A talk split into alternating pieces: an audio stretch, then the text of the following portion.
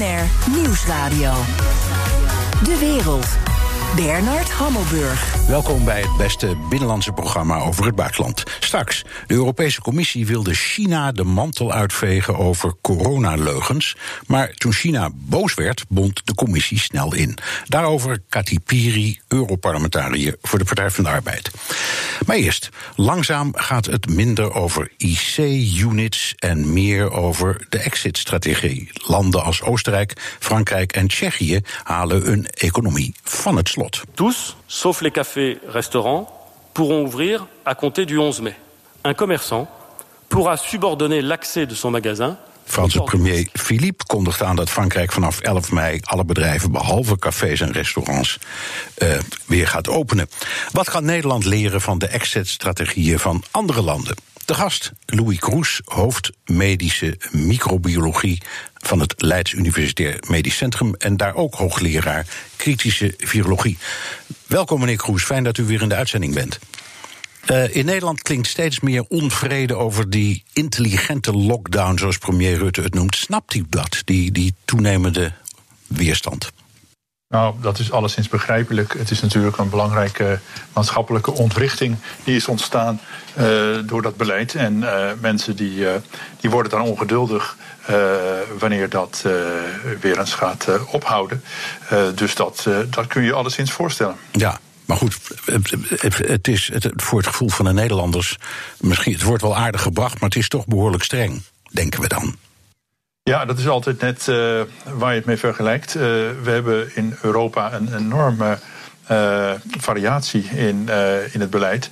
wat natuurlijk ook verklaarbaar is omdat er geen harde gegevens zijn welk beleid nu beter is dan het ander. dus op allerlei subjectieve gronden is daar een keuze gemaakt door ieder land afzonderlijk. En dat loopt toch al uiteen. Ja, als u daar nu naar kijkt, kun je, kun je Nederland met een van de andere landen vergelijken? Dat is uh, niet eens zo gemakkelijk, want uh, in allerlei details uh, verschilt ieder Europees land. Wat dat betreft is de Europese eenheid opeens werkelijk niet meer te vinden. waar het een klein beetje op lijkt, al gaan er, zijn er ook veel verschillen, is natuurlijk Zweden. Uh, Zweden is uh, wat dat betreft uh, wel een, een, een, een, vrij uitzonderlijk land. met heel veel verantwoordelijkheid bij de mensen zelf. Maar uiteindelijk loopt dat niet zo ver uiteen met wat er in Nederland is gekozen. Nee, behalve dan dat je daar nog een restaurant binnen kan. Maar goed, dan, maar dan ik geloof ik alleen maar tot, tot, verschillen, dat heb je dan, ja. tot 60 jaar. Daarna ben je niet meer welkom. Zoiets, hè? daar komt het op neer. Wat, wat zijn, iedereen bedenkt weer een eigen slimmigheidje. Wat zijn nou de belangrijkste punten voor een land om maatregelen te versoepelen? Als, als u kijkt vanuit uw eigen expertise en kennis, waar moet je dan, hoe moet je denken? Nou, ik denk dat het belangrijk is dat je het doel voor ogen houdt. Uh, en dat is heel helder altijd gebracht. Wij willen voorkomen dat het zorgsysteem wordt overbelast en dat je daardoor buitengewoon uh, nare tafereelen gaat krijgen met mensen die zorg nodig hebben en dat niet kunnen krijgen. Uh, dat wilde iedereen ten koste van alles vermijden. En dat is het leidende doel geweest. En daar kun je dus ook naar kijken als het gaat om het weer aanpassen van de maatregelen. Als je dat doel goed voor ogen hebt en veilig hebt gesteld. Ja, maar het komt er dus even om het hart te stellen op neer dat wij de capaciteit van intensive care units belangrijker vinden, of zwaarder laten wegen, zo moet ik het zeggen, dan mensenlevens. Nou, uh, waar het om gaat is dat we juist uh, willen voorkomen dat we die zorg niet kunnen bieden. Uh, en dat is natuurlijk heel veel waard. Uh, je kan mensenlevens natuurlijk ook wel een economische waarde geven. Maar in de praktijk gaan we er toch voor om uh, dat in ieder geval te willen vermijden. Iedereen zal dat hartverscheurend vinden als je mensen niet de zorg kan geven die ze verdienen. Nee, nu, valt steeds het uh, begrip besmettingsgraad. Uh, daar had premier Rutte het ook weer over. dat is, als ik het goed begrijp, hoeveel mensen één patiënt kan besmetten. in Duitsland woedt die discussie weer, want daar ging het wel goed. Maar daar gaat die besmettingsgraad misschien een beetje omhoog. In geval uh, het Robert Koch Instituut in Duitsland zegt: het moet een lange periode onder de 1% zijn. Hoe belangrijk is nou die besmettingsgraad in zijn geheel? Ja, dat is natuurlijk waar het om gaat bij een uh, epidemie. Uh, als je die een lange tijd onder één houdt, dan dooft de epidemie uit. Zo simpel is het. En dan gaat het ook echt gewoon gebeuren. Dan verdwijnt die. Uh, dat is een heel mooi model. Uh, het vaststellen van zo'n besmettingsgraad in de praktijk is nog wel een, een behoorlijke uh, partij rekenwerk. Met allerlei onzekerheden daarbij. Uh, dus dat, dat zet mensen ook wel eens op het verkeerde been. Dat is niet zomaar iets wat je heel gemakkelijk eventjes uh, peilt. Uh, daar zitten onzekerheden aan vast. En als dat nu uit de modellen blijkt dat het in Nederland de goede kant op gaat, dan merken we dat pas later aan uh, de cijfers van de ziekenhuizen, de IC's en de uh, overledenen. Uh, dus het zijn ook nog weer zaken die tijd nodig hebben om te blijken dat het werkt. Ja. In Duitsland worden ze nu een beetje verrast dat het misschien nog wat schommelt. maar ik denk dat dat ook dat hoort bij de onzekerheden die hier nu eenmaal bestaan. Ja. Um maar kun je zeggen dat uh, er een rechtstreeks verband is in geval tussen die besmettingsgraad en uh, de, de maatregelen die zijn genomen tegen corona? Kun je zeggen, nou ja, doordat we doen dat we doen, ja. daardoor is hij gedaald? Uh, of, of weten we dat, dat eigenlijk altijd, niet? om zo'n correlatie te leggen, dat is natuurlijk altijd heel lastig. wat is nu echt de oorzaak? Er wordt goed gekeken naar de, de, de tijdsperiode waarin maatregelen zijn ingesteld en vervolgens uh, wat daarna is gebeurd. Uiteraard is het duidelijk dat er vanaf, uh, laat ik zeggen, medio maart duidelijk wel een knik in het verhaal zit. je zou zeggen dat mag ook wel, want toen hebben we toch behoorlijk drastische maatregelen getroffen. En dat gaat zich dan met de nodige vertraging helaas, want het is echt een vervelend trage infectie waarmee we hier van doen hebben, dat gaat dan uiteindelijk wel leiden tot resultaten uh, in de zin zoals we nu zien, steeds minder uh, nieuwe opnames en uiteindelijk ook minder gevolgen daarvan op de IC en de sterfgevallen. Ja, nu is in kringen van ondernemers eh, begint de vrevel toe te nemen. Nu weer na de laatste persconferentie van premier Rutte, omdat ze zeggen het ontbreekt aan perspectief en aan een soort plan. Dus hij roept wel, ja, het gaat wat beter, maar nog niet helemaal zoals we willen. Maar niemand weet welke kant we nu uitgaan of, of we een stappenplan hebben. Doen andere landen dat in uw visie beter? Nou, Inderdaad, als je zo. Je, hoort natuurlijk van allerlei landen allerlei berichten. En iedereen heeft weer zijn eigen manier van communiceren. Maar het is misschien niet verkeerd om een beetje een perspectief te schetsen. Misschien aan de voorzichtige kant op de wat langere termijn. Uh, mensen worden niet graag in onzekerheid gelaten en aan het lijntje gehouden. Van er komt nog wel een, een, een, vervolgbericht als jullie het allemaal goed doen. Dus daar moet je in de communicatiesfeer wel op letten. ik zag dat Italië, wat toch een een redelijk behoudend beleid voert, wel probeert om een perspectief te schetsen met uh, drie data achtereenvolgens, 4, 18 mei en 1 juni, waarop verlichting zal worden doorgevoerd. Uh, en dan weten mensen een beetje waar ze aan toe zijn. Uh, dat is misschien wel aan te raden, maar het is een kwestie van communiceren. Ja, Tsjechië heeft ook een, een stappenplan. Ehm, daar is de heropening van de economie in vier stappen verdeeld. En er wordt er iedere twee weken wordt er iets van de maatregelen afgebouwd. Um, Klopt. Ja. En de Fransen, dat hoorden we net ook. Uh, uh, de Amerikanen uh, hebben ook een, een, een stappenplan in, in, drie fasen gepresenteerd. Met heel specifiek van dat zijn dan de, de, de, de criteria die daarvoor gelden. En wij hebben dat eigenlijk helemaal niet. Nee, dat, dat, dat kan kloppen. En ik denk dat daar aandacht voor nodig is om toch uh, wat perspectief te bieden. En misschien ook wat minder uh, zwaar de nadruk te leggen op, op nog bestaande risico's. Mensen weten dat wel en willen nu ook vooruitkijken hoe zou het kunnen gaan met het nodige voorbehoud dat er is. Maar je moet denk ik toch wel aangrijpen wat je kan om mensen uh, iets te bieden. Juist ook om het draagvlak intact te houden. Uh, dat iedereen echt zijn best wil doen uh, voor het beleid wat dan echt nodig is. Ja, zijn er onderdelen van de lockdown in Nederland waarvan u zegt, nou dat zou wat mij betreft al wat losser kunnen? Of dat zou bijvoorbeeld als eerste wat losser kunnen? Of, of een soort tijdpad. Rutte doet het niet. Kunt u het wel?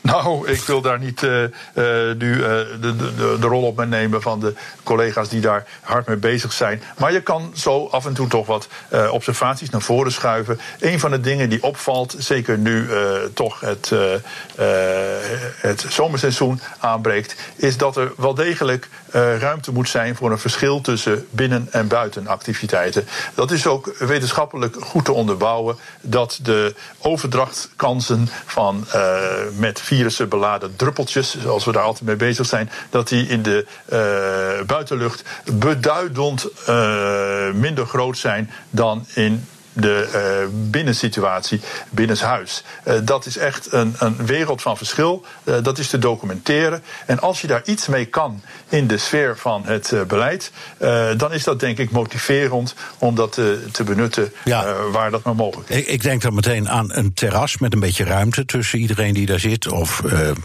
het strand, waar je dan Klopt, weer wat, ja. wat zonder, met wat minder schuldgevoel een wandelingetje kan gaan maken. Dat soort dingen. Dat is uh, denk ik precies uh, de richting waarin je zou kunnen gaan. Uh, en ik heb ook begrepen dat bijvoorbeeld Spanje, hè, want we kijken hier iedere keer weer naar andere landen die daar ook over nadenken, dat die over dat beleid bij, bij de terrassen een, een keus gemaakt heeft dat die eerst kunnen openen en dan later horecagelegenheden binnenshuis pas. Uh, dat is rationeel, denk ik. Daar kun je wat mee. En het is toch een beetje uh, af en toe wel een beetje wat curieus dat je ziet dat uh, mensen in parken en zelfs op stranden ja, worden achtervolgd of zij daar niet te ver gaan. Terwijl je ja, nagenoeg uh, kan uitsluiten dat, uh, dat, dat er iets misgaat. een frisse bries op het strand, ja. dat je een virus uh, kan overdragen op de wijze zoals dat nu wordt verondersteld te gaan. Mijn gast, Louis Kroes, hoofd medische microbiologie van het Leids Universitair Medisch Centrum en daar ook hoogleraar klinische virologie. We have a simple message for all countries. Test, test, test. Test every suspected case. Dat was de baas van de Wereldgezondheidsorganisatie in maart. Meneer Kroes, u schreef deze week in de NRC een pleidooi voor meer testen in Nederland. Gebeurt dat nu nog te weinig?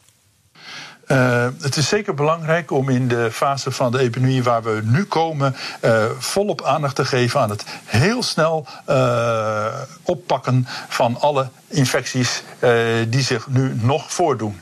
dan kun je daar gericht beleid mee voeren en dan maak je de beste kans om dit probleem zo snel mogelijk echt onder controle te krijgen. overigens is daar de hele discussie over de coronavirus waarschuwingsapp eigenlijk ook voor bedoeld. Uh, dat je zo snel mogelijk iets kan doen als je weet dat iemand positief is. Maar dan moet je dus wel eerst weten. En daarvoor heb je dus die testen nodig. Ja. Dat begrijp ik. De, de burgemeester van Los Angeles zei vannacht um, dat hij uh, aan de hele bevolking van die stad, dat zijn geloof ik 11 miljoen mensen of zo, met, met, met buitensteden, um, een test aanbiedt. Klachten of niet, zei hij, iedereen kan gewoon getest worden. Is dat een goed idee? Uh, ja, je, je, hoort het wel vaker als mensen daar heel, uh, heel, positief uh, naar kijken. Dan zeggen ze: Kom, we gaan iedereen maar testen. Ik denk dat dat een beetje ver gaat. want dat is op een enorme schaal en bovendien maar een eenmalige bepaling. want wie vandaag negatief test, die kan volgende week natuurlijk nog steeds positief zijn. Maar de gedachte is op zich juist, laat ik het uh, voorzichtig uh, toch uh, steunen, dat door, je, door een breed testbeleid te voeren, dat je sneller achterhaalt waar zich de infecties nog voordoen. En dat je daar dan ook wat mee kan doen. Dat moet je dan ook wel gaan doen, natuurlijk. En dat, dat is nog best een, een aardige klus om daar actief beleid te voeren. Maar dan bied je daarmee een kans om zo snel mogelijk dit probleem in de fase waarin het nu zich voordoet toch onder controle te krijgen. Ja, nou, we praten nu over 11 miljoen inwoners van Los Angeles. Zullen we in Nederland alle 17 miljoen inwoners nee, testen? Ik, ik denk dat dat echt, eh, zoals ik al zei, uh, dat is uh, niet, niet zinnig, niet haalbaar en ook niet nodig. we hebben natuurlijk toch, als je laagdrempelig beleid voert, hebben we echt wel iets aan het feit dat dit virus als regel verschijnselen geeft. Daarmee kun je een eind komen, maar dan moet je daar ook meteen wat mee doen. En meteen vaststellen, is dit dan ook echt in lichte gevallen van bijvoorbeeld lichte uh, luchtwegklachten, is dat toch deze infectie of niet? Want anders ga je infecties over het hoofd zien en dan loop je achter de feiten aan. En dat kan een enorm verschil maken of je een actief testbeleid voert of passief alleen maar de ernstigste gevallen waar je er niet omheen kan. Nee, ik begrijp, uh, meneer Kroes, dat er twee tests zijn. Eén waarmee je kunt vaststellen dat een patiënt corona heeft, zoals u beschrijft. En, en dan kun je hem isoleren of je kunt hem in, in, in het ziekenhuis uh, kun je zo'n test afnemen. En één om te testen of iemand de ziekte heeft gehad en of die antistoffen heeft aangemaakt. Um, als u over de noodzaak van meer tests spreekt, over welke van die twee hebt u het dan? Ja, dat is goed om dat toch even uh, duidelijk te maken. Dat gaat dan om het aantonen van de infectie zelf. Uh, een, een, actieve, besmettelijke infectie. Die willen we uh, vaststellen om beleid te voeren. de andere test die u daar beschrijft, is ook wel heel interessant. Dan kunnen we zien hoeveel mensen hebben deze infectie gehad. Uh, en daar kunnen we misschien ook wat mee. Maar voorlopig is dat nog een hele kleine minderheid van onze bevolking. Juist omdat we daar zo ons best voor hebben gedaan om dit niet de, uh, de vrije loop te laten. Is dat nog maar een paar procent van de bevolking die nu die antistoffen zal hebben. En kun je met die tweede test vaststellen hoeveel antistoffen iemand heeft en of dat voldoende is om immuun te zijn of om te kijken of je dan de ziekte misschien toch nog opnieuw kunt krijgen. Weten we daar iets van? Nou, daar beginnen we nu een klein beetje wat wijzer in te worden. Maar u heeft helemaal gelijk. Dat moeten we nog gaan uitzoeken hoe die relatie ligt. Uh, de hoeveelheid antistoffen kunnen we prima bepalen. Maar de, de correlatie met bescherming, uh, dat is nog even een andere zaak. En die kun je niet zo heel eenvoudig vaststellen. Want ja, u kunt zich wel voorstellen. Uh, als ik wil beproeven of die bescherming echt aanwezig is, dan zou ik iemand moeten blootstellen aan het virus. om te kijken of hij het nog een keer krijgt. Nou, dat is overduidelijk uh, nog niet een onderzoek uh, wat we zo gemakkelijk uh, kunnen gaan doen. dus voorlopig moeten we dat proberen in beeld te krijgen door goed te bezien uh, hoeveel mensen hebben antistoffen, hoeveel mensen krijgen nog infecties in de komende tijd. En dat is dus op dit moment nog niet echt makkelijk te zeggen. Nee, dus we weten gewoon niet hoeveel antistoffen je moet hebben opgebouwd op dit moment.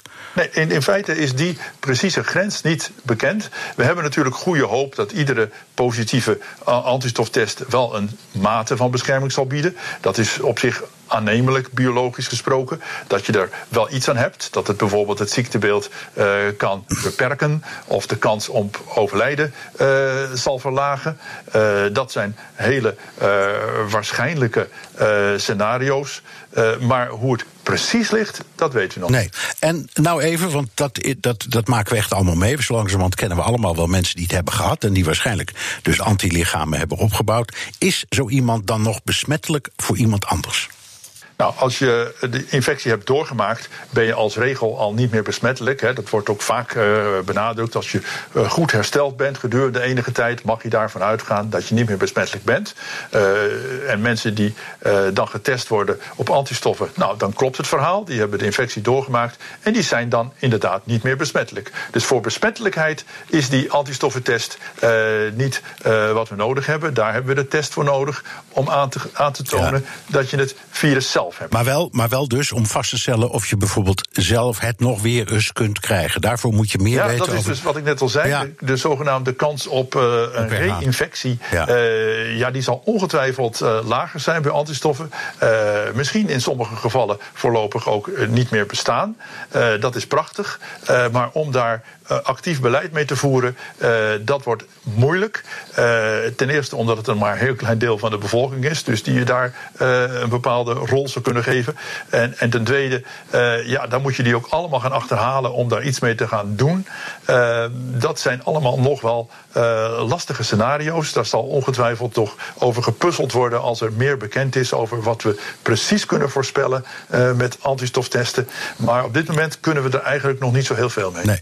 We, we vergelijken een beetje de situatie bij ons met het buitenland. U hebt u opnieuw, omdat u zoveel van Italië weet, uh, daar, daarin verdiept. En begrijp ik, Um, u ziet een verschil tussen twee gebieden, Lombardije en het daaraan grenzende Veneto. Wat is u nu opgevallen als u die twee gebieden vergelijkt?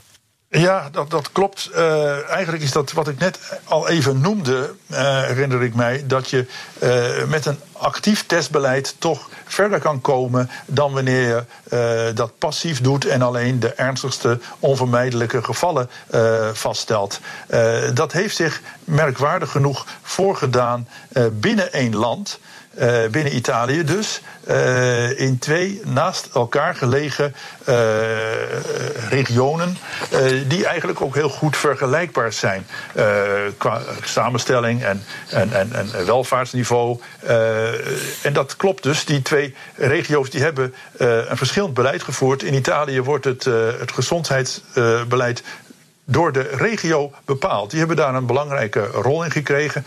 En daar kan men dus een keuze in maken. Terwijl alle overige omstandigheden in het uh, nogal uh, ja, bureaucratische land, uh, die zijn allemaal hetzelfde. En dat is dus heel anders geweest dan in, in Lombardije, waar men een beetje overspoeld werd, maar dat beleid niet kon gaan voeren. En als je nu kijkt naar wat er uiteindelijk is gebeurd, dan blijkt dat per inwoner bekeken er vijf keer zoveel sterfgevallen zijn in Lombardije. Uh, en dat uh, de epidemie daar echt op een enorme manier heeft huisgehouden. Daar hebben we ook van alles van gehoord. Terwijl in het daarnaast gelegen Veneto uh, dat dus beduidend minder is geweest. Ja. Dat is natuurlijk een enorm verschil. Ja, dus, en wat je noemt een keihard pleidooi voor tests. Dus daar gaat uw verhaal überhaupt een beetje over. Nou, de vraag waar iedereen over hoort: in binnen- en buitenland hebben we de testkits? Ja, uh, dat is een goede vraag natuurlijk. En er is veel over, over gesproken. Maar ik kan daar toch uh, wel, wel redelijk uh, gerust over zijn. de afgelopen tijd hebben we goed gebruikt, ook in Nederland, om uh, dat te organiseren, om daar zoveel mogelijk laboratoria in te betrekken, om goed te kijken naar uh, alternatieve systemen, om de bestaande systemen die we gebruiken toch zo goed mogelijk draaiende te kunnen houden. De fabrikanten zijn erop ingespeeld om toch uh, zoveel mogelijk te kunnen bieden. Iedereen doet erg zijn best in deze tijd. Dit, dit maakt toch dingen mogelijk die anders misschien veel moeilijker gingen. En ik kan op dit moment daar gerust over zijn. Ik heb ook zelf een, een laboratorium in het LUMC. Wij kunnen dit aan. Wij kunnen nog op een behoorlijk hoger niveau uh, testen gaan uitvoeren dan wij nu doen. Uh, echt een, een, een flinke stap zetten. Dat is zeker mogelijk. Dus ook meer mensen testen met klachten dan we tot nu toe doen. Omdat de neiging, het ja, protocol is een beetje. Ja, als, het, als het niet te erg is, blijf maar thuis. Ja, maar u zegt dat mag best wat nee, actiever. Nee. Exact. Uh, dat ja. is precies dat actieve beleid uh, wat ik net al, al beschreef. Uh, dus niet zozeer als u noemde uit Los Angeles. En er zijn ook wel meerdere gedachten. laten we iedereen maar eens gaan testen. dat is te ongericht, dat is te diffuus. Daar kun je moeilijk beleid mee voeren. Maar als je dan juist de mensen die toch enige verdenking hebben, het mogelijk maakt om snel vast te stellen: is dit het? Of is dit het niet? Er komen namelijk ook hele lichte gevallen voor. En die zijn echt heel venijnig. Want die worden nu als regel niet herkend. Maar die geven natuurlijk wel verspreiding. En als je probeert dat af te snijden, uh, dan kun je een eind komen. Als je dat beleid wil laten ondersteunen, uh, als mensen positief getest zijn, door met een app uh, hun omgeving te waarschuwen, oké, dat zou het beleid kunnen helpen. Maar het begint ermee dat je ze identificeert. Dus testen. Dank. Louis Kroes, hoofd medische microbiologie van het Leids Universitair Medisch Centrum en daar ook hoogleraar klinische virologie. BNR Nieuwsradio. De wereld. Bernard Hammelburg. De Europese Commissie dreigt een gevecht met de EU-landen te verliezen. En dat betekent dat je geen geld terug gaat krijgen als je vliegreis wordt geannuleerd. Je moet het doen met een voucher, met een waardebon. Europa-verslaggever Jesse Pinster, dat is toch precies wat een aantal luchtvaartmaatschappijen al doet? Ja, klopt. KLM, Transavia, Ryanair, om er maar eens een paar uh, te noemen. Maar wat ze doen, dat mag helemaal niet. Want er is een Europese verordening, 261 om precies te zijn, die zegt dat je binnen zeven dagen gewoon je geld moet terugkrijgen. Maar de Nederlandse regering heeft uh, nou al meer dan een maand geleden eigenlijk besloten. Nou ja, daar gaan we ons gewoon niet aan houden. Dus ze hebben tegen de toezichthouder gezegd: ga maar niet daarop controleren bij die luchtvaartmaatschappijen. Dus lappen ze feitelijk Europese regels aan hun laars. Dus heeft Nederland nu bedacht dat die regels maar moeten aangepast worden. In ieder geval tijdelijk. Dus minister Cora van Nieuwenhuizen die is op de digitale snelweg richting Brussel gereisd gisteren om uh, daarvoor te gaan pleiten. En hoe is het verlopen, dat gesprek? Vanuit Nederlands perspectief eigenlijk best wel succesvol. Al uh, voor de vergadering had Nederland samen met elf andere EU-landen, van Cyprus tot Frankrijk, een statement waarin ze benadrukte: ja, die cashflow bij die luchtvaartmaatschappijen, dat is gewoon problematisch. Dus we moeten dit nu toch echt gaan doen. Ja, dan zie ik twaalf Europese landen en dan pak ik natuurlijk direct mijn, uh, mijn Europese Raad calculator erbij. Want dan wil ik weten, is dat dan ook bijvoorbeeld een gekwalificeerde meerderheid? Want dan ben je wel echt machtig natuurlijk. Gekwalificeerd. 55% van de landen, 65% van de bevolking. Nou, dat was nog niet het geval. Frankrijk is groot, maar de rest dat waren allemaal vrij kleine landjes. Maar tijdens de vergadering hebben ze toch ook andere landen weten te overtuigen. Duitsland, Spanje, Estland, Roemenië. En nou ja, ik mijn calculator er weer bij pakken. Als Duitsland erbij zit, nou dan heb je een, een grote meerderheid ineens. Ja, en gaat de Europese Commissie nu doen wat die landen willen? Nee. Tenminste, voorlopig nog eventjes niet. Uh, commissaris Valian, de Roemeense commissaris die over transport gaat, die, ja, die eigenlijk een beetje weten wat ik begrijp van de discussie is nog niet afgerond. Ook binnen de Europese Commissie nog niet. Ze hadden hiervoor het standpunt van luchtvaartmaatschappijen, maak die voucher maar zo aantrekkelijk dat die consumenten, die mensen die een ticket gekocht hebben, gewoon zeggen: Nou, doe mij die voucher, maar ik, ik wil mijn geld helemaal niet terug. Maar als ze hun geld terug willen, dan moet dat gewoon mogen. Nou, of dat vol te houden is, dat is onwaarschijnlijk geworden met die druk vanuit de, de lidstaten. Hoewel het Europees Parlement wel echt aan de kant van de Europese Commissie dan weer staat. Maar uh, ja, ze rekken de boel nog een beetje. Ik heb een beetje navraag moeten doen van waarom dan. Maar ze willen het in een samenhangend voorstel. En dat samenhangende voorstel dat moet dan over toerisme gaan en hoe dat verder moet in deze coronacrisis. Dat voorstel komt waarschijnlijk over een week of twee. Dus nee, dan zit daar waarschijnlijk wel iets in over dat uh, Nederlands voorstel. Waarvan ik heel eerlijk moet zeggen dat de consument ook wel een beetje beschermd wordt nog steeds. Hoor. Want die voucher die verloopt dan op een gegeven moment. Dat is nu meestal na een jaar. En dan zou je alsnog je geld terugkrijgen. En ze willen ook een, een, een Europese afspraak dat als die luchtvaartmaatschappijen failliet gaan, wat je zeker niet kan uitsluiten nu natuurlijk, dat je je geld dan ook terug zou krijgen. Dat ja. is op dit moment helemaal niet zo, begrijp ik van de Ik hang aan je lippen, want ik kan inmiddels kwartetten met zo'n stapeltje vouchers. Ja, daar was ik wel bang voor. Ja, het redden van KLM, Transavia, Lufthansa enzovoort. Is dat nou voor de Europese landen belangrijker dan het helpen van de mensen die de tickets hebben gekocht, zoals uw dienstwillige dienaar? Ja, kijk, in Brussel willen ze zich natuurlijk opwerpen als de helpers van de consumenten. Dat doen ze graag. Brussel, dan even de commissie en het Europees Parlement. Maar ja, die regeringen die zijn miljarden aan het uitgeven aan. Nou ja, we hebben het gehoord. Uh, Air France KLM, 7 miljard vanuit Parijs, 2, uh, 2 of 4 miljard vanuit Den Haag. Weet je, en dan dat is wel interessant. Dan hoor je vaak het argument dat het over werkgelegenheid gaat. Dat is indirect wel ergens waar, maar de staat die. die komt al met bijna ja, tot 90% van die loonsommen die krijgen ze al voor al die mensen die bij KLM werken. Dus ik las een interessant verhaal bij Follow the Money, de onderzoekswebsite. En die zijn gaan kijken, ja, waar gaat die steun nou eigenlijk heen? En die concluderen dan, ja, veel gaat naar kerosine, omdat luchtvaartmaatschappijen al contract hebben liggen voor dat ze voor een bepaalde prijs kerosine gaan kopen in de toekomst. Nou ja, daar zitten ze aan vast, moeten ze afkopen. En heel veel vliegtuigen worden geleased, dus die hebben ze niet in bezit. Maar ja, die lease contracten die lopen ook nog steeds door. Dus dat zijn ze eigenlijk aan het betalen. Dus ja, in die, in die zin gaat het niet direct naar de werknemers. Maar ja, neem niet weg dat er een cashflow-probleem is. Dus ik uh, denk dat uh, ja, een deel van de rekeningen die ze moeten betalen straks betaald worden. Toch van de centjes die wij, jij en ik overmaken voor vliegtickets. Dat hebben gemaakt, want ik koop geen tickets meer. Dankjewel, Europa-verslaggever Jesse Pinster. De Donald Show. Tijd voor een update uit de United States of Trump... met onze correspondent in Washington, Jan Postma. Jans, Jan, eerst even lekker roddelen. Trump had afgelopen week een woede-uitbarsting over de peilingen. Vertel. Dat gebeurde in een uh, telefoongesprek met zijn campagneleider Brad Pascal. Dat is die, die grote kerel met, met die baard. Uh, Trump die had een paar interne peilingen te zien gekregen... die er echt niet goed voor hem uh, uitzagen. hij zou achterliggen op Biden in een paar belangrijke staten. En ja, Trump, Trump reageerde toen eerst met ontkennen. hij zei, I am not fucking going to lose to Joe Biden. Daarna zei hij dat de data niet klopte. En daarna dat het de schuld van Pascal was. En toen zou Trump volgens meerdere mensen hebben gedreigd Pascal aan te klagen.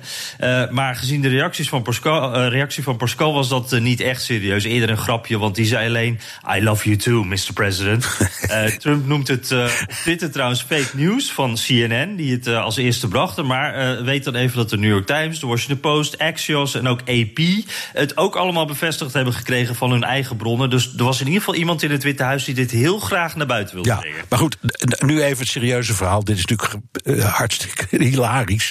Maar wat geeft Trump campagne nu als reden dat Trump achterligt op Biden? Nou ja, natuurlijk corona en de economie, die hadden we zelf ook kunnen verzinnen. Dingen waar uh, Trump ook maar gedeeltelijk iets uh, aan kan doen natuurlijk. Uh, maar ze denken ook aan die ellenlange coronapersconferenties... die jou ook wel eens s'nachts wakker hielden omdat je nog zat te kijken. en dan met name het moment dat Trump hardop fantaseerde... over het injecteren van ontsmettingsmiddel. dat was vorige week. En hun advies is dan, ja, Trump doe minder van die briefings... blijf weg van die medische zaken.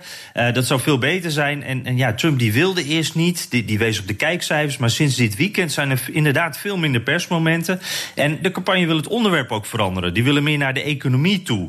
Uh, ja, maar de vraag is natuurlijk altijd met Trump: voor hoe lang gaat dit zijn? Uh, want in een later interview zei hij over die slechte peilingen: ik geloof ze niet.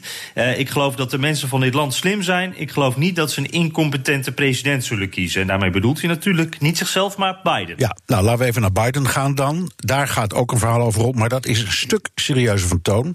Dat, dat is eigenlijk helemaal niet om te lachen. Die heeft een schandaal aan zijn broek. Jazeker, dat, dat, dat gaat om uh, beschuldigingen van Tara Reid. Dat is een voormalig medewerker van beide toen hij nog uh, senator was. Dit speelt zich af in de jaren negentig, uh, dus al eventjes geleden. En zij moest toen Biden iets brengen en nou, hij nam dat in ontvangst. En toen intimideerde hij haar volgens Reid en ging met zijn hand onder haar rok. Nou, een ernstige beschuldiging die, die al langer bekend is. Maar nu zijn er twee kennissen van die Reid die bevestigen dat zij dat inderdaad toen de tijd ook aan hun heeft verteld. En dat maakt het verhaal ineens een stuk concreter. En dus is er ook ineens veel meer aandacht voor. Uh, de Biden-campagne die ontkent het en houdt zich eigenlijk vooral stil, zoals ze met alles doen. Uh, geven ook geen nieuwe verklaring. En die hebben al sinds eh, begin april niet meer de pers te woord gestaan. Maar dit begint echt een serieuze test te worden voor Biden en zijn campagne. En dus voor de Democraten, die zullen zich ongetwijfeld zorgen maken. Ja, precies. Want die beiden die, die, die ontkent. Uh, partijprominenten die verdedigen Biden ook op dit moment. Maar ondertussen vallen Republikeinen natuurlijk die Democraten en Biden uh, hard aan. Want ja, dit komt nogal hypocriet over. Toen Brad Kavanaugh, die, die rechter, die man voor, voor het Hoge Rechtshof, werd beschuldigd, vonden Democraten nog dat die beschuldiging tot de bodem uitgezocht moest worden. dat de slachtoffer gehoord moest worden en ook altijd vertrouwd moet worden. Want uh, ja, uh, als je eh, over zoiets naar buiten treedt, dan zet je heel veel op het spel. Dus waarom zou je dat anders doen dan als je een goede reden hebt? Maar ja, nu het om die Tara Reid gaat en, en hun presidentskandidaat Biden. Uh, en het hun dus eigenlijk niet goed uitkomt, blijft het stil. En, en heeft niemand eigenlijk echt veel interesse in dat slachtoffer en wat ze te vertellen heeft. En dat is wel een rare situatie. Want Trump is natuurlijk ook door allerlei vrouwen door van alles beschuldigd. Maar ja, daar stoorden de Republikeinen zich dan weer niet aan. En nu vallen ze dan de Democraten juist aan. Dus hypo hypocrisie aan beide kanten. Uh, maar het verschil is natuurlijk dat van Trump al bekend was hoe hij met vrouwen omging. En ja, Republikeinen hebben besloten de andere kant op te kijken. En dat is voor Democraten een stuk moeilijker. Dankjewel. Jan Postma, onze correspondent in Washington. En wilt u meer horen over dat fascinerende land? Luister dan naar de Amerika-podcast van Jan en mij. We leggen op dit moment de hand aan een fonkelnieuwe aflevering. De wereld. De Europese Commissie zou gezwicht zijn voor Chinese druk om een kritisch rapport over Chinese misinformatie af te zwakken. The EU's foreign policy chief is under fire over allegations a report was watered down following Chinese pressure. Questions hang over the revisions to a text on disinformation about COVID 19. Is de buitenlandchef van de Europese Unie te slap tegen China? Kati Piri, Europarlementariër voor de Partij van de Arbeid. Welkom. Dank u wel. Um, wat maakt u van die berichten? Was dat nou een koutou van de Europese Commissie aan China? Nou, het was in ieder geval een enorme PR-faalpunt uh, uh, van uh, de hoge vertegenwoordiger. Hij komt vanmiddag uitleg geven aan de Commissie Buitenlandse Zaken in het Europees Parlement. Hij zegt zelf niet geswicht te zijn. Hij zegt zelf dat er wel sommige elementen zijn voor intern gebruik. Aangezien wij een diplomatieke dienst zijn. al dus een verklaring van zijn woordvoerder. En dat is denk ik ook meteen het probleem. Je moet dit soort rapporten niet politiek via een politiek orgaan Dit moet gewoon door professionals, een onafhankelijk instituut worden vastgesteld. Ja, en wat ik me dan ook meteen afvraag, hoe weet China eigenlijk wat er in een rapport van de Europese Commissie komt voordat het verschijnt? Goeie vraag, maar uh, ik kan me voorstellen dat uh, zo'n rapport eerst langs uh, 27 lidstaten gaat. En een aantal onderhouden, denk ik, goede, goede verstandhoudingen met de Chinese ambassade in hun land.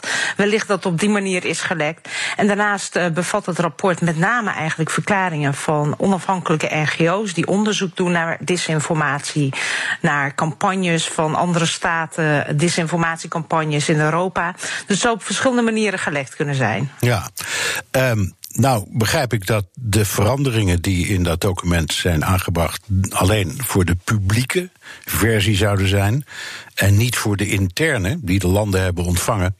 Um, het gevolg daarvan zou je kunnen zeggen is dat niemand het rapport eigenlijk goed ziet of leest. Uh, is dat nou niet precies de bedoeling van de Chinezen? Ja, ik denk dat het uh, pijnlijk hiervan is. Kijk, op het moment dat dit een rel wordt in de New York Times, Financial Times, Politico, alle kranten schrijven erover hoe China misschien wel uh, succesvol druk heeft weten te zetten op de Europese diplomatieke dienst. Uiteindelijk wat er dus gebeurt is dat niemand het nog heeft over de inhoud van het rapport. Wat volgens mij ook niet mals is, namelijk dat we zien dat de Chinezen openlijk, niet alleen uh, geheim, maar gewoon openlijk via hun ambassades disinformatie verspreiden. Uh, proberen een eigen narratief uh, op de pandemie te drukken. En op, dat, op die manier natuurlijk ook de geloofwaardigheid van de EU ondermijnen. Ja, wat is het verhaal? Geef eens een, een voorbeeld van met wat voor soort verhaal ze dan komen. Waar ze ook mee weg nou, wat... zijn gekomen, klaarblijkelijk. Nou, wat ze in het begin natuurlijk, de, het eerste land wat enorm geraakt was, was natuurlijk Italië. En Italië voelde zich enorm in de steek gelaten op dat moment door de Europese Unie. Uh, en dat heeft China daar eens nog eens keer uit zitten vergroten. Uh, heeft gezegd, kijk, wij zijn degene die jullie wel mondkapjes leveren. De EU doet niks en heeft dat ook via allerlei sociale mediakanalen gedaan. Maar ook in Frankrijk was, heeft de Chinese ambassade zelf in Parijs, die heeft op een website gezet een verhaal, een nepverhaal dat um, Frans verpleeghuispersoneel bewoners in de steek had gelaten om hen te laten sterven of van de honger of van de coronacrisis. Dat heeft zelfs tot een diplomatieke rel geleid in Frankrijk. Dus dit zijn even twee voorbeelden uit twee grote EU-landen. Ja. Waarop we zien op welke manier China probeert uh, de EU uit elkaar te spelen. Ja, dat tweede, dat vind ik wel heel dubieus. Dat eerste, je kunt zeggen, ja, dat hoor je dan niet via je diplomatieke kanalen te doen, maar ze hadden geen ongelijk. Toch? Met dat verhaal over Italië dat in de steek werd gelaten. Met name door Nederland, want daar ging het toen om, hè? Nou ja, niet alleen door Nederland, maar natuurlijk helemaal in het begin. Met name bijvoorbeeld de Duitsers die in het begin hadden besloten om geen, uh, zelf geen uh, gezondheidsmiddelen te exporteren naar andere EU-landen. Dat, dat kwam op dat moment heel slecht over in Italië. Natuurlijk zijn daar fouten gemaakt. Maar de vraag is natuurlijk hoe je dan als derde land, hè, uh, waar ook nog eens um, hetzelfde land, waar de EU in februari een mega grote lading aan mondkapjes heeft geleverd, waarop de Chinese regering regering toen zei alsjeblieft, hou dit onder de radar. Want straks denkt onze bevolking dat we zelf deze crisis niet goed managen. En op zo'n moment volledig diplomatiek misbruikt. Zelf met vliegtuigen aankomt zeggen en zegt: Wij zijn de enigen die jullie helpen. Dat is natuurlijk gebaseerd inderdaad op bepaalde gevoelens die er heersen in Italië op dat moment. Ja. Maar dit is natuurlijk ook gewoon propaganda. Ja, goed, maar je zou hetzelfde kunnen zeggen van een Nederlandse minister die een uh, KLM-toestel uit China persoonlijk komt opvangen omdat die geweldige Chinezen ons komen redden met, uh, weet ik wat, mondkapjes of zo. Dus ik kan me best voorstellen dat zo'n land dan denkt, nou, daar gaan we wel even mooi weer mee spelen. Ja, nou ja, helaas bleek inderdaad later dat uh, een aantal van die mondkapjes die geleverd zijn natuurlijk ook nog eens niet voldeden aan de eisen. Nee, nee, nee, dat, maar, de, tweede, nou, maar de, de, de, de, tweede zending was wel goed, begreep ik. En daar stond, daar stond keurig weer een Nederlandse minister met een brede grijns om, en dankbaarheid op het gelaat. Dus ik, nogmaals, even vanuit, als je nu in, in, in Beijing zit en je maakt onderdeel uit van het PR-apparaat, dan is dat toch wel begrijpelijk. Je zegt, nou, mogen we wel eventjes, uh, als Trump kan roepen dat hij de hele wereld redt, red, waarom mogen wij dat dan niet? Ik, ik, ik bedoel maar wat. Zeker. Kijk, China die, die probeert zich nu natuurlijk neer te zetten als een betrouwbare partner in deze crisis. Hè, die er gewoon klaar staat voor andere landen. En, en nou ja, daar mogen, we, daar mogen ze ook best uh, uh, promotie voor maken. Maar tegelijkertijd, wat ze, waar ze natuurlijk heel gevoelig voor zijn, is ook de kritiek die we hebben. China was het de, de, eerste gevallen die zijn onder de pet gehouden, wekenlang in China van, van de coronavirus. En toen vervolgens zijn degenen gestraft die het wereldkundig wilden maken. Dus um, als je dan zo open bent over hoe je het nu doet, zou je misschien ook wat openheid kunnen betrachten over dat je ook wat steken hebt laten vallen aan het begin van ja, deze pandemie. Dat is waar. Nou ja, er is nu ook een enorm gedoe uh, over. Uh, premier Morrison van Australië, die eist een onderzoek. Die heeft daar dan contact ja. over gehad met uh, Merkel en met Macron uh, en met Johnson in Engeland en met Trump. En uh, de, de reactie van de meesten was: je hebt helemaal gelijk, maar dit is misschien niet het beste moment om zo'n onderzoek in te stellen. Maar het is niet aan dovermans oren, zal ik maar zeggen, wat je nu zegt, hè?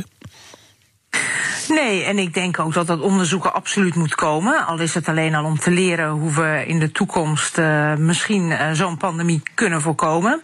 Uh, en tegelijkertijd ben ik het ook eens met de mensen die zeggen: is dit nu het allerbelangrijkste? Terwijl we nog zien dat zo'n beetje alle landen ter wereld deze pandemie nog niet over zijn. De piek nog in heel veel landen bereikt moet worden. Is dit nu echt het grootste debat wat je nu moet voeren? Of moet je je nu proberen met zo'n organisatie als Wereldgezondheidsorganisatie waar natuurlijk Trump nu de financiering voor heeft stopgezet. Um, uh, moet je nu misschien proberen om elkaar te helpen om deze pandemie te bestrijden? Ik zou voor dat laatste gaan, maar dat onderzoek zal er uiteindelijk ook zeker moeten ja, komen. Maar goed, het gaat om, om het wat bredere onderwerp van uh, misinformatie, zoals dat dan wordt genoemd. Ik noem het gewoon leugens, maar hoe dan ook. Uh, de Europese Commissie maakt daar al een hele tijd een punt van, voor, ook voor deze crisis. Uh, het ging dan eerst om Rusland en later om China. Um, is wat er nu gebeurt eigenlijk een, een teken. Ook, ook dat, dat, dat wat kruiperige van de commissie, dat zich dat beïnvloeden door Chinese kritiek op een rapport. Is dat niet een teken dat de EU eigenlijk nog steeds geen antwoord heeft op dit soort dingen? Dat is het ook. En, en dat die disinformatie of die leugens, zoals jij dat noemt, hè, ook, ook steeds uh, heftiger worden. Dat zien we ook uh, juist in deze pandemie. het is op een veel grotere schaal dan hiervoor. En we zijn er natuurlijk ook heel gevoelig voor. Je gaf net het voorbeeld van in Nederland de minister die een vliegtuig verwelkomt uit China met mondkapjes. Dat gebeurt op dit moment. Wachten wij allemaal elke dag op die vliegtuigen uit China met die mondkapjes. Dus het is ook moeilijk uh, om die keiharde kritiek te uiten op een moment dat je misschien ook super afhankelijk bent qua medicijnen, qua medische voorzieningen uit China. Dus dat besef daalt denk ik ook uh, langzaam in, in, alle, in alle lidstaten en ook in Brussel. Ja, laten we even, want daar hebben we het eigenlijk niet nog helemaal over. Wat, wat, wat is nu eigenlijk de, de, de hoofd kritiek in dat rapport. Even los van het feit dat de Chinezen erin zijn geslaagd om in de externe versie het allemaal wat weg te poetsen. Maar wat is nu de hoofdzaak van dat rapport? Uh, de hoofdzaak is eigenlijk een beschrijving, namelijk dat er een aantal staten, en dan met name Rusland en China, bezig zijn met propaganda over de vermeende zwakke westerse aanpak. Uh, en, en daarbij natuurlijk proberen om EU-landen uit elkaar te spelen. En dan zijn er denk ik twee manieren om dat aan te pakken. Eentje is om te kijken hoe je die verdere verspreiding van disinformatie tegen kan gaan. Dan komen we natuurlijk weer uit bij uh, bepaalde platforms, social media platforms. En de tweede is denk ik ook gewoon de telefoon oppakken. En, en zeker als EU-buitenlandchef en je Chinese bondgenoten opbellen en zeggen: hier zijn wij niet van gediend. En dat laatste, dat vinden we kennelijk altijd ontzettend moeilijk om te doen. Ja, en als we het doen. dan worden de Chinezen woest. En dat steken ze ook niet onder stoel of banken. Banken hebben we nu in Australië gezien, waar de ambassadeur daar gewoon tekeer gaat tegen de, de gastregering. Dus ze laten ze niet zo makkelijk wegblazen, zal ik maar zeggen. Nee, en, en China is natuurlijk ook een ontzettend belangrijk uh, uh, land in de wereld. Een van de machtigste landen en ook in opkomst. Uh, en tegelijkertijd zijn wij natuurlijk qua economie ook geen onbelangrijke speler voor de Chinezen. Zeker met de handelsoorlog die er gaande is nog steeds tussen China en Amerika. voor, voor China zijn wij de allerbelangrijkste afzetmarkt. Dus ik denk dat we ook wel eens soms met wat meer zelfvertrouwen de Chinezen tegemoet zouden kunnen ja, er staat in dat rapport ook iets over Servië, waar de president de Chinese vlag kust. Uh, en zegt dat de EU uh, tijdens de coronacrisis. Uh, de EU in de steek heeft gelaten. En de Chinezen waren daar toch maar mooi. Nou, dat hebben de Chinezen zelf niet verspreid. Dat komt gewoon van de Servische president. Toch? Zeker. Ja, er zijn altijd een aantal leiders zoals Vucic in Servië, maar ook Viktor Orbán, laten we hem niet vergeten, in Hongarije. Wat Vucic, heeft gedaan, is door heel Servië uh, nu posters gehangen met een grote foto van Xi Jinping. En daaronder staat in het Servisch, uh, wij danken de Chinezen.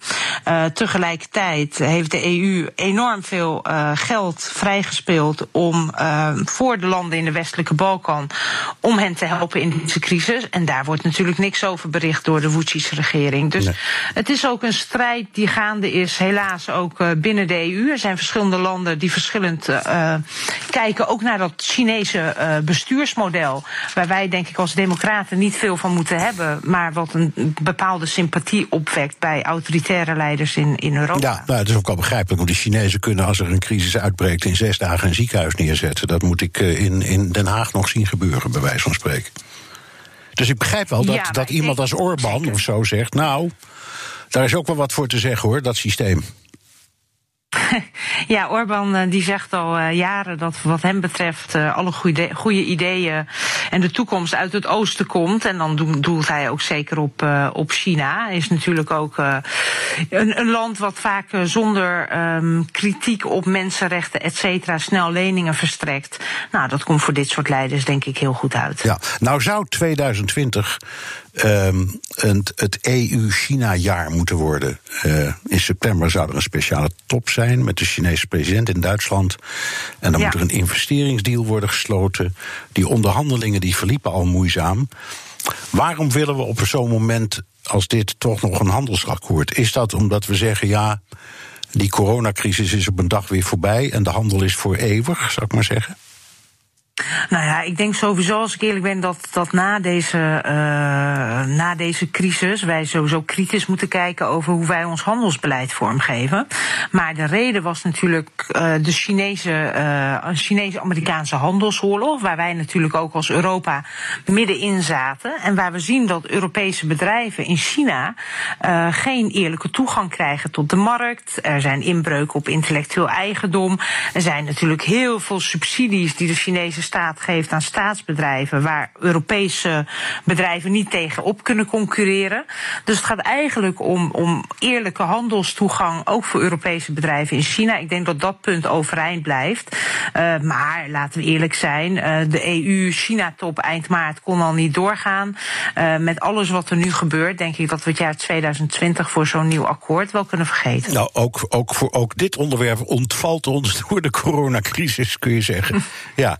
Uh, en dan nog even één puntje. De AIVD zegt ook dat China gewoon doorgaat met het bespioneren van onze bedrijven.